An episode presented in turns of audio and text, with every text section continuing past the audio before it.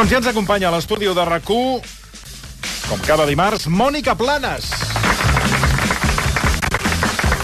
La nostra assessora documental, eh, el, el versió rac que ens porta documentals de, en fi, d'aquests que pots repassar un dia després. Avui costarà això, eh, de, Sí, de, de, fer el, de fer la secció. Si seguim així, ho veig difícil.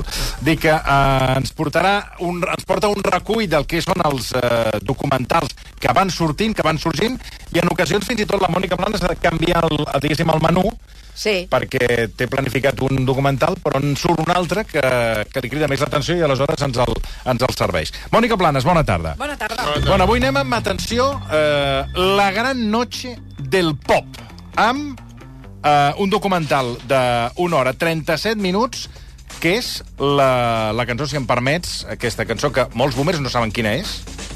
Home, els boomers sí, diguem que els... Bon, les eh, perdona, al, al, joves. alguns que no... El, sí, exacte, els boomers crec que sí que ho saben, però la resta jo ho preguntava i Qual? no sabien exactament de... Atenció a la cançó en qüestió. So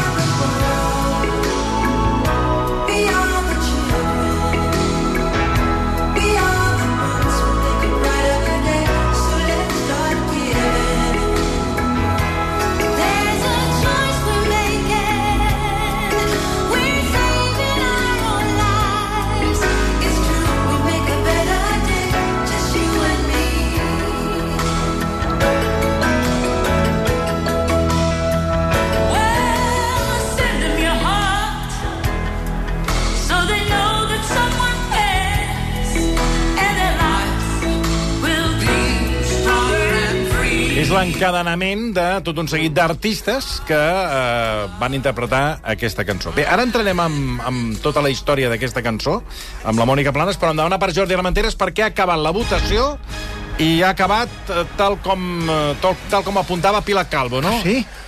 Jordi?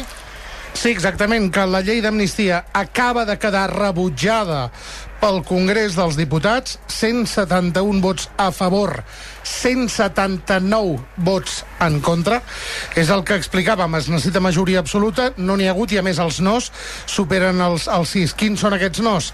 Doncs els de PP, Vox, Junts, UPN, la Unió del Poble Navarrès, aquesta mena de marca blanca del PP a la comunitat de Navarra i Coalició eh, Canària. Ara tota l'activitat del Congrés, perquè Pedro Sánchez ha estat el primer que ha sortit de l'hemicicle, sumint, per tant, derrota. Segona derrota en aquesta legislatura en una votació important.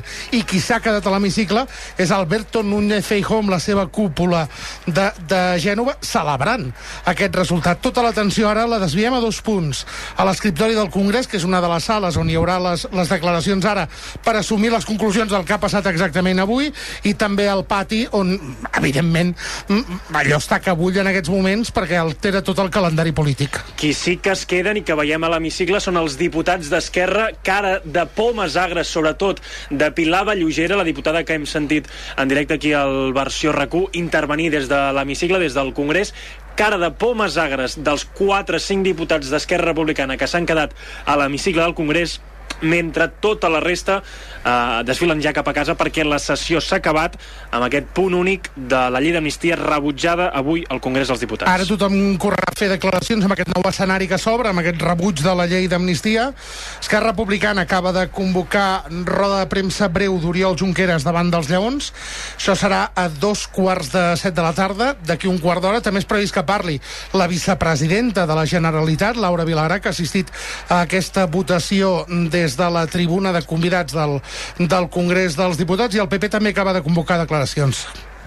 Molt bé, Jordi, doncs eh, tan bon tinguem eh, reaccions, ja ho explicarem a l'antena de recull. Amb el vostre permís, doncs nosaltres reprenem el fil del que anàvem a explicar. Mm. La història d'aquest himne.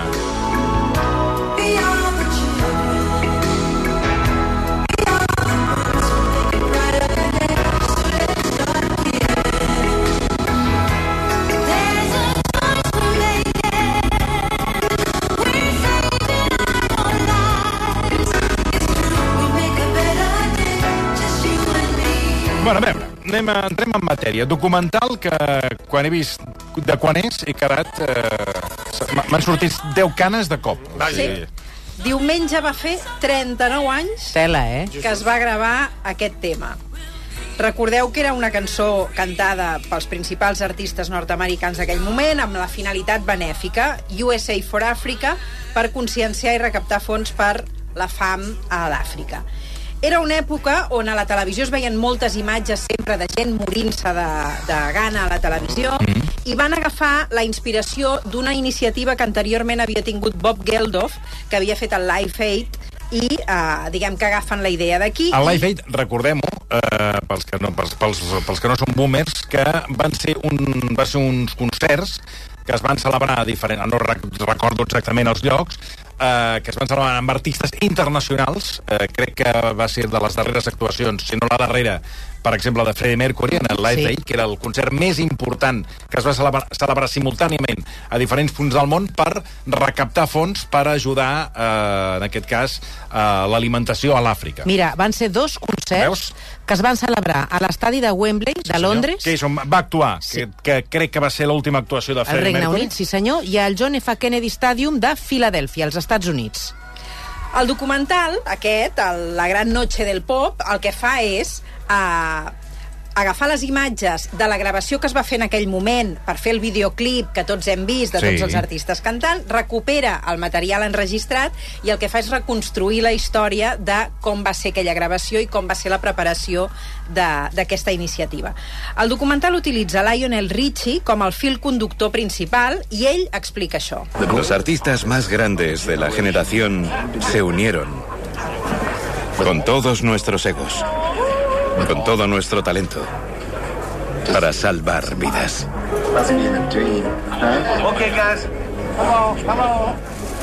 Pero solo teníamos una noche. Al día siguiente no volverían. Per tant, no era fàcil. Con todos, eh, con todos los egos, eh? A- Aquesta és una frase... Pitjor que el vestidor del Barça. Aquesta és una frase molt important, perquè... Molt important, eh? Molt important en el documental, i és com es gestionen els egos de totes aquestes, de tots aquests No, no, ja veig que és el leitmotiv, eh? tot, com es gestionen els egos de tots aquests artistes i eh, diguem que, a més a més, només tenien una nit per fer-ho tots junts a la vegada. És a dir, o surt o no surt i, per tant, no hi ha ni cançó ni història. Pero no había nada más caótico que intentar conducir a toda esa bola de energía creativa. Esto fue un momento histórico. Us he de dir que és un documental que dura una hora, una mica més d'una hora i mitja, i que el veus tota l'estona amb un somriure.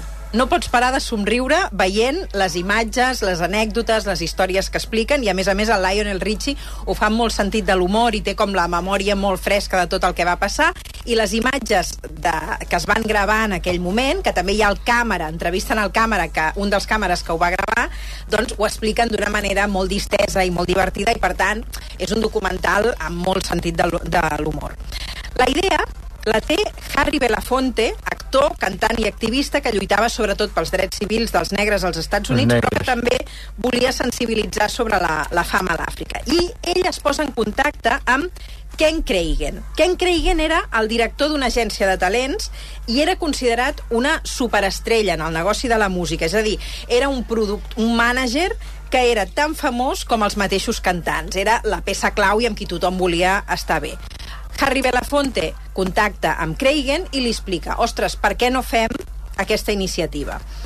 Es reuneixen el 23 de desembre de 1984 i la secretària de Cragen en el documental explica això. Una mañana hubo una reunión no prevista. Llegamos y nos recibió Harry Belafonte. Esto te deja pasmada. Tienes ante ti a la realeza de Hollywood. Es legendario. Ahí supe que se preparaba algo grande. I Cragen Perdona, eh, però com que estem amb aquest problema que ara mateix eh, ens està afectant a rac De sonoro. de so- sonor, és a dir, que s'entretalla el que estem eh, explicant, aquest document no hi té res. o sigui que o, el torne, o parem, a veure, o sigui, parem i, i, i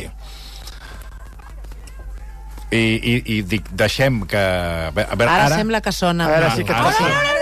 Aprofitem. Posa, posa, posa, Escolti, corre! estem fent tot el possible. Moment, moment, moment. Àlex, no, a veure, No eh, un moment, no cal córrer.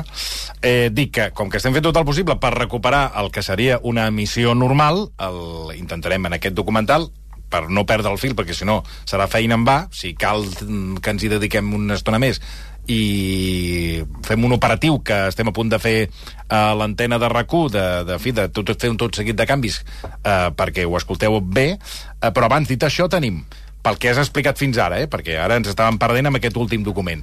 Harry Belafonte contacta aquest macro... Ma, ma, El macroagent, el Ken Kragen. I ara estaria, seria interessant recuperar aquest últim document que no hem sent, jo no he sentit No ni entès s'entenia. res. A la val? secretària, La no? secretària A la- de Ken Kragen. Perfecte. Doncs si el podem tornar a emetre, eh, t'ho agrairia. Una mañana hubo una reunión no prevista. Llegamos y nos recibió Harry Belafonte. Esto te deja pasmada. Tienes ante ti a la realeza de Hollywood. Es legendario. Ahí supe que se preparaba algo grande. Vale. Aquí comencen a sospitar que uh, s'està tramant alguna cosa important. I Kragen, quan sent les, la idea que li planteja Harry Belafonte, té clar que a qui cal implicar primer és a Lionel Richie. Kragen dijo, acabo de hablar por teléfono con Harry Belafonte y básicamente lo que ha dicho es, te necesito. Harry dijo, tenemos a gente blanca salvando a gente negra, pero no tenemos a gente negra salvando a gente negra. Eso es un problema. Tenemos que salvar a nuestra propia gente de morir de hambre. Estaba intentando que nosotros, el grupo más joven, nos implicáramos en lo que estaba pasando en África. Yo dije, por supuesto. Y no es que no tuviera nada que hacer. Tenía que presentar los American Music Awards. Justo me lo acababan de ofrecer. Estaba a punto de hacer mi gira en solitario. Pero tenía una cosa clara. Quería que Quincy estuviera implicado. Porque él es el jefe de ceremonias. Per tant, A veure, tenim... deixa'm apuntar, perquè els uh, fans de Freddie Mercury sempre Sí, estan hombre, a, claro. a la Sí, sí. I, i em sembla molt Ara bé, perquè jo uh, el record que tenia és que era l'últim concert, em m'apunten que em va fer un últim, uh, una última gira el 86, uh, Kind of Magic. Per tant, Ah, uh, exacte. abans de... de Perquè de... Life Aid va ser el 85, Toni, Ah. i a la Kind of Magic, aquesta gira va ser el 86, i el seu últim concert va ser al Festival de Newarth. Doncs uh, aclarit, el, aclarit la, aclarida la qüestió. Ja tenim a Lionel Richie, que Sí, diu que sí, que que sí, s'implica en el involucrat. projecte, tot i que està una mica estressat perquè li falten poques setmanes per presentar a l'American Music Awards i, a més a més, estava de gira, per tant, eh, està una mica estressat, Una però mica ell diu que, eh, que sí. Que endavant. I té clar que ha d'implicar a Quincy Jones, que havia treballat amb totes les grans estrelles musicals del planeta i, efectivament, el truca i el Quincy s'hi suma. I ara ve la pregunta difícil. Qui fa la cançó? Decideixen Mhm. primer que l'escrigui Lionel Richie amb Stevie Wonder. Bueno. Però ja veureu que en aquest documental Stevie Wonder és un personatge uh, que dona molt de joc. Pero cuando Stevie dice, ahora te llamo, tienes que saber que te va a llamar en cualquier momento. Y después de eso, tengo a Quincy al teléfono y me dice, yo voy a ver a Michael mañana. Se lo propongo, a ver qué opina. O sigui, tenim Lionel Richie i Stevie Wonder. Correcte. Bueno, i ara volen- No, Stevie Wonder no contesta el telèfon. Bueno, I diguem però- que ah- quan Stevie Wonder no contesta el telèfon, potser et pots esperar unes quantes setmanes que et torni la trucada. Per tant, com que uh, Lionel la, Richie... diu que se'n va veure a Michael, que entenc Ah, que és a, exacte. a Michael Jackson. Llavors diu, com que el Stevie Wonder no m'agafa el telèfon, uh, truco al Michael Jackson. Um, I és en aquell... Uh, que el Michael Jackson en aquell moment és l'artista que està venent uh, més discos. De modo que Stevie no me devolvía la llamada. Así que Michael y yo teníamos que empezar a componer sin Stevie. Le dije a Michael, yo puedo componer la canción solo. Y tú puedes componerla tú solo. Pero si lo hacemos juntos con Quincy Jones, tiene que ser una bomba. En el documental ens expliquen una mica com és aquesta relació entre Lionel Richie i Michael Jackson i tots dos junts es posen a treballar. Me doy cuenta de que no sabe tocar nada, así que tararea todas las partes. Cintas y cintas de tú, tú, tú, tú, tú, tú. ¿Perdón? Pistas y pistas de él tarareando. Es rarísimo. O lo entiendes o no. Teníamos que identificar inmediatamente qué clase de canción queríamos. ¿Quieres una de ese tipo o quieres un himno? Dun, dun, dun, dun, dun. No, no es eso lo que estamos buscando. Pam, pam, pam. Ahí está. Esa es tu plantilla. Y una vez tenemos eso, ¿qué le vamos a poner encima? Doncs Perdona, bé, eh, però aquest que t'areja ara és és Michael Li- Jackson. No, és Lionel Richie ah. explicant el la conversa que té Michael Jackson. Que Michael sobre- Jackson només li va dient que la canció és... eh, Sí, totes les idees que té...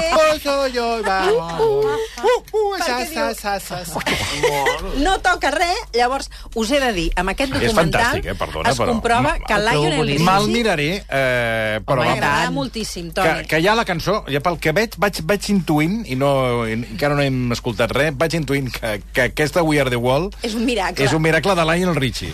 Però- Perquè, clar, estan amb Michael Jackson... Ui, ui, ui. Jo crec que la paciència que té Lionel Richie no la té ningú. Perquè tot el que va aguantar durant setmanes... Sort que ell diu que és un tio que estava acostumat a funcionar a partir de la una del matí.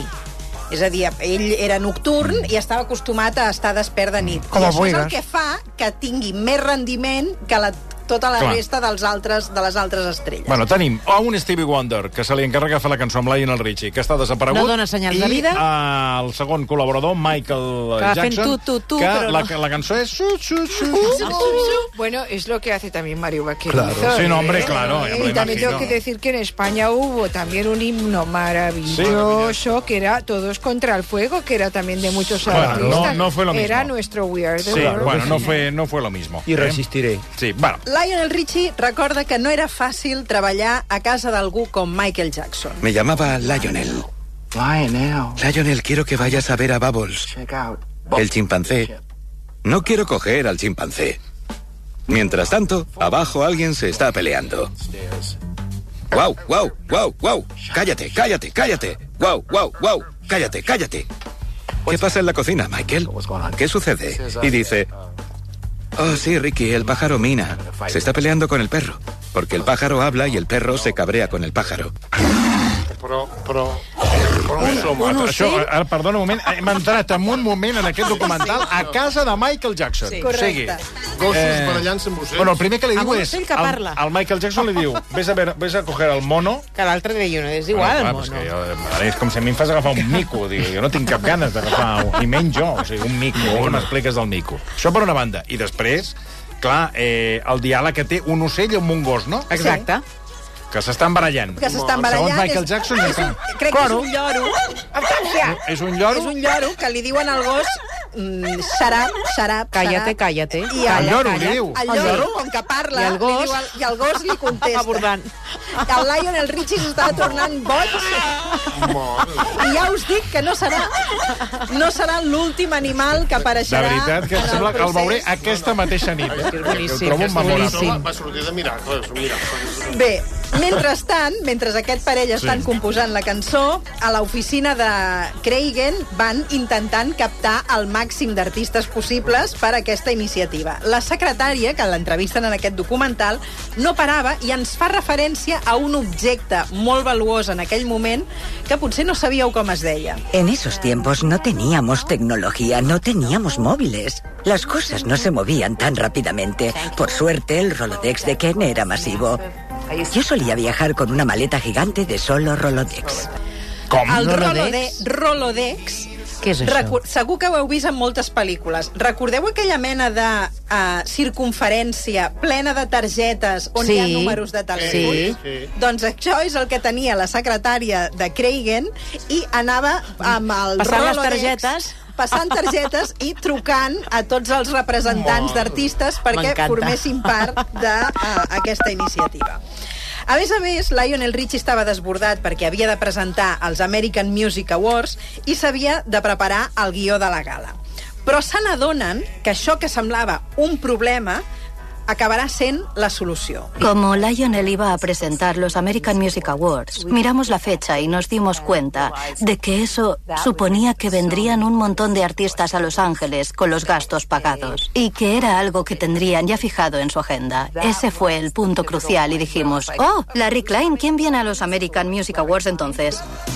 És una bona Perfecte. idea. Clar, els tenien eh, Perfecte. convocats tots per la, pels premis. Pels premis. La gala facilita que la majoria dels millors artistes del país estiguin a la ciutat, a Los Angeles, i això els hi va molt bé si s'han de trobar. Parlen amb Larry Klein, que és el que organitzava la gala, i ell els hi diu això. En esos tiempos, los American Music Awards eran una cosa muy importante. Tenía a Diana Ross y a Holland Oates. Esta gente iba a actuar. Prince estaba, Madonna estaba y Cindy Lauper. Ken Cragen me llamó y me dijo, quiero reunir a un grupo de superestrellas. Cuanta más gente mejor, para cantar una canción. Pero para poder reunir a tanta gente para grabar, tenía que ser la noche de los American Music Awards. No había otra. Per tant, de moment el que van fent és una llista de desitjos, d'acord? Perquè, eh, diguem, veient qui està convidat en aquesta gala, Oh, oh, doncs hi ha, hi ha Oh, Prince, sí. hi ha Steve Perry, hi ha Madonna, hi ha Cindy Lauper, hi ha Bruce Springsteen, hi ha Bob Dylan, és a dir, la, Sí, la sí. llista va, creix- va Y yo creixent. también, ¿eh? Karina. A mí también me, no, Pero- no lo habéis Ta- dicho, ah, nada. sí. También te convocaron. Oye, claro. Claro, cariño. Yo también. no hi apareixes. Què Eh, passa? No.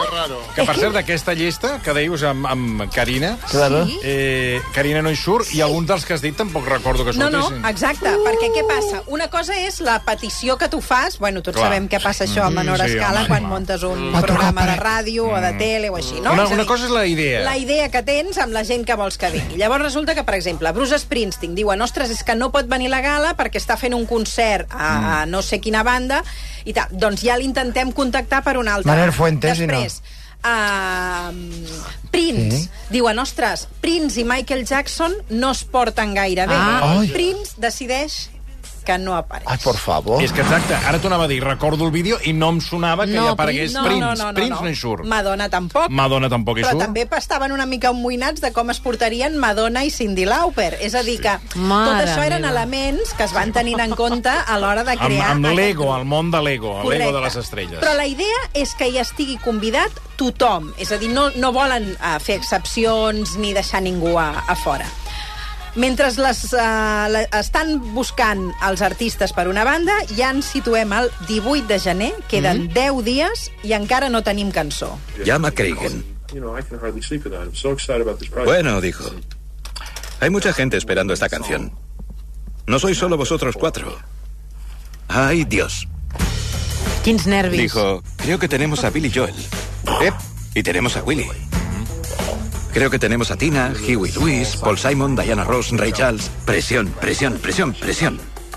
Y lo vamos a hacer la noche de los American Music Awards. ¿De qué estás hablando? Y entonces llega Quincy. Bueno, lo que faltaba. Y Quincy dice muy tranquilamente, necesito una canción. Vinga, doncs, necessita una cançó. el marrón que se nos viene encima. Los American Music Awards son la próxima semana y Quincy no puede hacer absolutamente nada hasta que nosotros no tengamos una canción.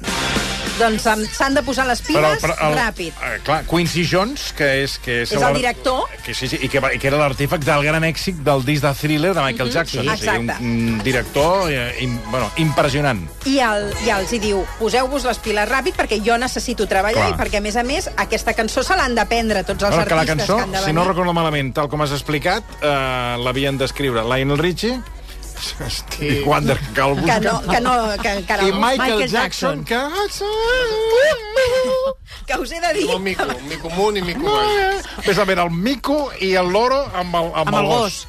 Però ja se sap que hi ha gent que sota pressió treballa millor Sí. i, I per tant, si posen tracta? Lionel Richie i Michael Ah. Jackson, Ah, s'hi sí? posen seriosament. No sé cómo pasó a continuación. Pero estábamos poseídos, lanzando ideas y todo lo que nos parecía bien. A mí se me ocurrieron unos cuantos acordes.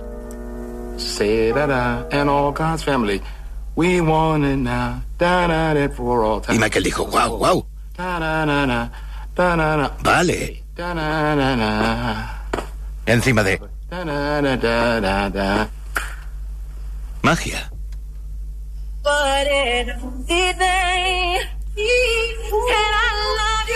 Ahora teníamos una plantilla con balbuceos y sin palabras. Més o menys aquí ja saben una mica com sonarà. Ja tenen la música, ara cal afegir-hi... Però la lle- fixa que Michael Jackson torna i... A... Sí. però no, no, no, no poso, una, lletra, no poso una lletra. Ara, ara Michael Jackson s'aplica amb el tema de la lletra. Somos el mundo. Fue probablemente una frase de Michael. We are the world. Ah, mira tu. Ara. ¿Somos el qué? Somos, somos los que, somos los que hacemos un futuro más brillante. Por el rabillo del ojo veo unos discos que se caen al suelo y oigo.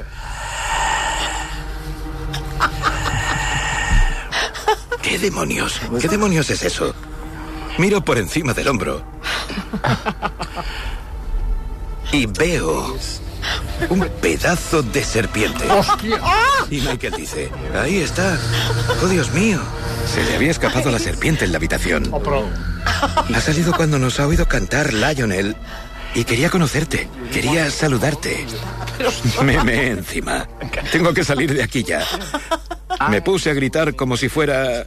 si fuera el fin. En las pelis de terror, el negro siempre la palma. Ai, que bo. Gran Lionel Richie. Bravo, bravo, boníssim.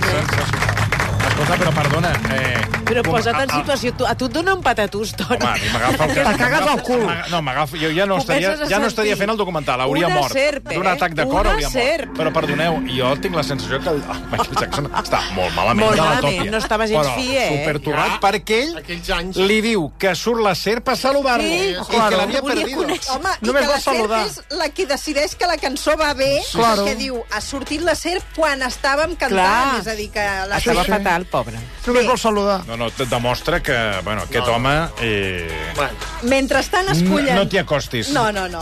Me... No, no, per moltes raons, no, eh, no, no, més enllà exacte, de la serp. sí, sí, perquè, clar... escullen un estudi de gravació Sí. que havia de ser secret i um, el Michael Jackson i el Lionel Richie li ensenyen la cançó a Quincy Jones, que queda encantat amb la Li cançó. encanta, Quincy Jones li encanta. I arriba el moment que els dos cantants han de gravar la maqueta perquè la resta d'artistes sàpiguen com sona. I, per tant... I s'aprenguin la, la, la, la lletra i la melodia. Correcte. I això els hi, envia, els hi enviaran una cinta i quan ja estan a l'estudi gravant la maqueta, qui arriba? Stevie Wonder. Home, Correcte. Stevie Wonder! Y justo en medio de la sesión aparece Stevie. Pensaba que estábamos escribiendo la canción. De modo que Quincy dice, hablo yo con él. Y Quincy se lo lleva al pasillo y le dice, ya hemos terminado de componerla, estamos grabando la maqueta. Y Stevie dice, vale.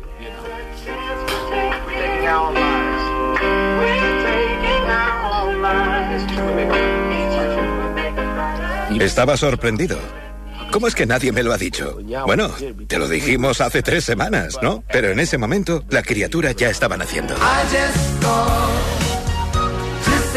Veig que quan has de quedar amb Stevie Wonder ho has de fer amb una Amb previsió calma, eh? de Amb tres, calma. tres, tres setmanes, un mes. Però no s'enfada, no, Stevie Wonder? No, Diu, ah, va, vale, és que- vale. és que o sigui, Wonder- ell ego no en té gaire.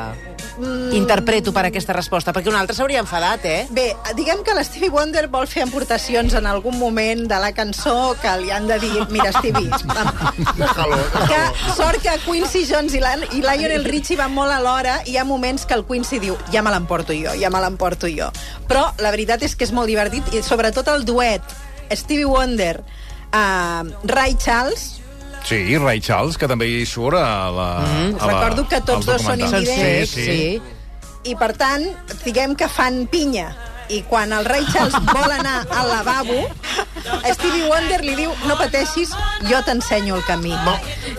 llavors que els altres els han d'anar perseguint i fan molta broma tota l'estona tots dos. És a dir, que tot sempre és, és, és molt divertit i tots tenen molt sentit de l'humor Bé, un cop han acabat la maqueta, envien la cinta, la partitura, la lletra als artistes. I ho explica això la secretària, la secretària de Craigen. Tenía una pila de 50 cintas de casete que enviamos a los agentes. Algunas fueron directamente a los artistas. Ara parlen els artistes que reben la cinta en el documental, eh?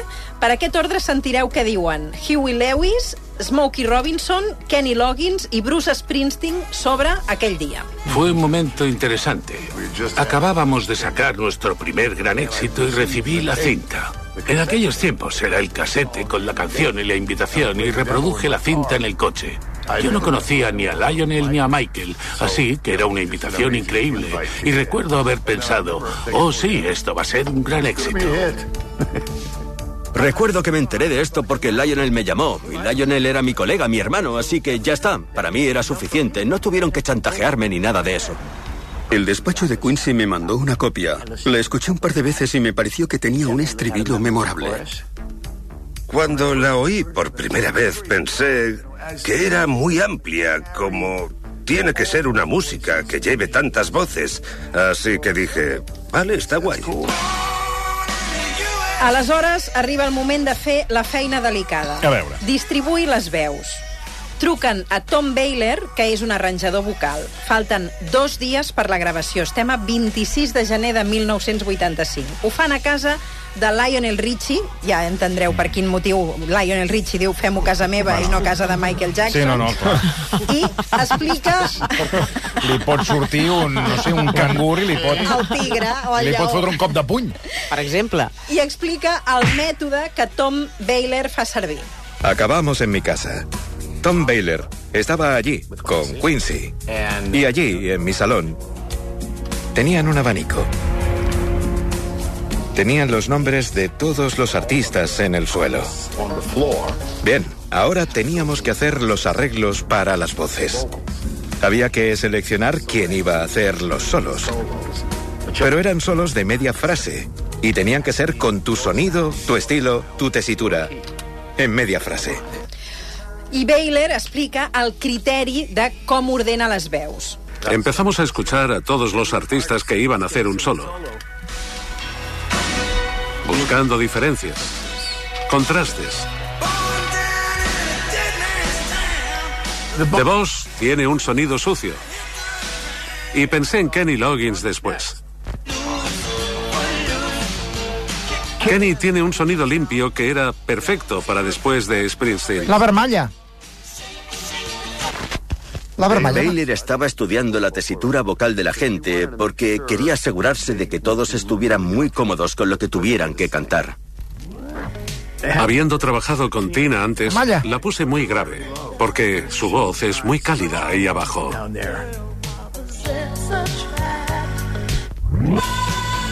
Y luego teníamos a Steve Perry. Su tesitura en ese registro es electrizante. Cindy. Su voz es enérgica. Incluso en Girls Wanna Have Fun. Oh, me encanta Hiwi. Pero no todos los artistas iban a tener un solo. No conozco ninguno. Ni uno, ni uno. És cert, eh? no tots els artistes van tenir, van tenir un so. I això a vegades eh, ha S'havia d'encaixar. es Sí, clar. molesta. Home, clar, com és que aquest canta dos paràgrafs i jo en canto mig, o no canto. o no canto, o no estic només fent els Ah, cors. exacte. Com gestionen la relació entre els artistes? Y también le preocupaba cómo los iba a colocar. Y eso llevó a algunas discusiones interesantes sobre cómo se iba a combinar a la gente. Yo pensaba que lo que íbamos a hacer era que vinieran y entraran uno a uno en la cabina y cantaran el solo. Quincy dice, no, no, no, no, no. Tardaríamos tres semanas. Haremos un círculo en la sala con todos los micros. Y que cada uno cante su parte delante de los demás.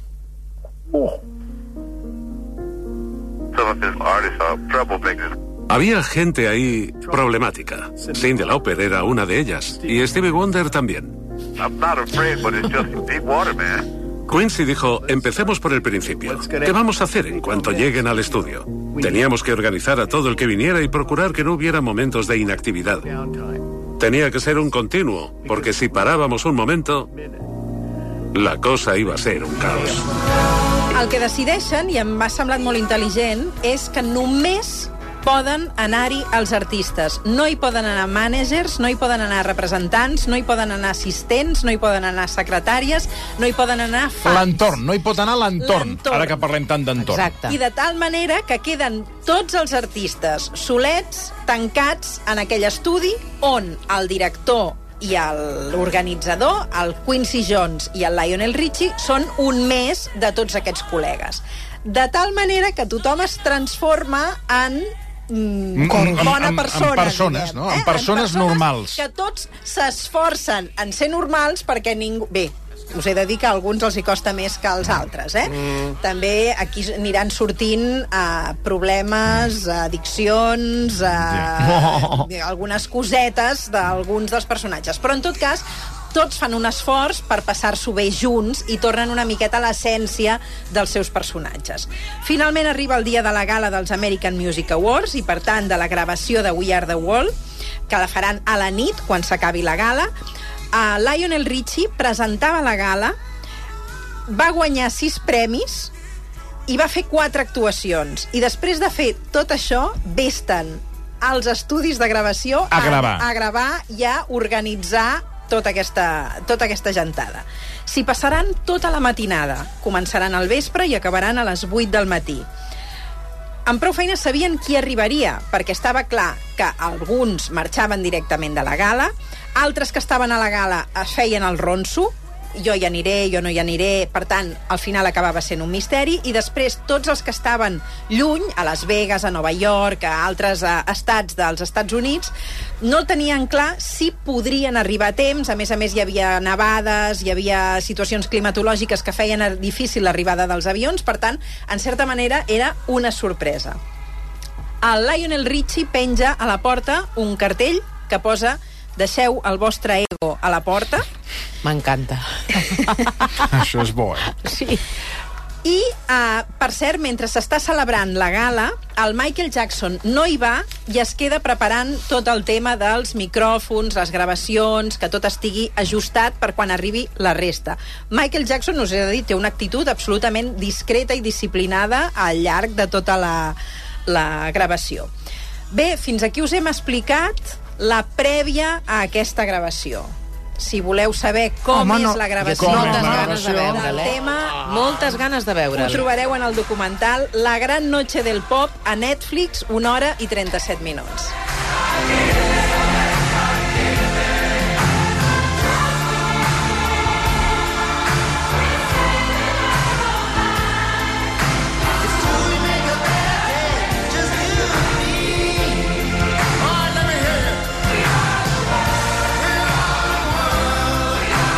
deixa'm dir que, eh, a banda que el document amb el Penso Mirai, que és eh, un document històric, perquè és una cançó històrica, hi ha un fet que ara és mm, molt inaudit, que és eh, eh, aglutinar tot aquest seguit d'artistes que, que hi surten en aquesta cançó, que ara avui en dia, com que tot es fa per pistes, eh, jo t'envio el so i, i, i, i al final, eh, o sigui, fins i tot podríem dir que amb intel·ligència artificial eh, faries eh, que un està al costat de l'altre, I no cal que es vegin i mai. no cal que es vegin mai. Per tant, aquí estan tots junts, els veus que Mhm. estan cantant un al costat de l'altre, donant-se pas un al costat de l'altre, i ja en el seu dia aquest vídeo va ser magnífic, Mm. i ara recordar-lo també no deixa de ser històric, perquè, repeteixo, avui en dia això no, no es porta. Totalment, fins al punt que Diana Ross, quan es va acabar a les 8 del matí, plorava. I li van dir, per què plores? I va dir, perquè això no passarà mai més. Exacte. Mira, doncs uh, Era Diana, conscient Diana ja del Ross... que acabava de viure, eh? Ja hace falta. Eh, Mònica Planes, moltíssimes, moltíssimes A gràcies. vosaltres. Gràcies per la feina. En 4 minuts eh, tornem. Fins ara mateix.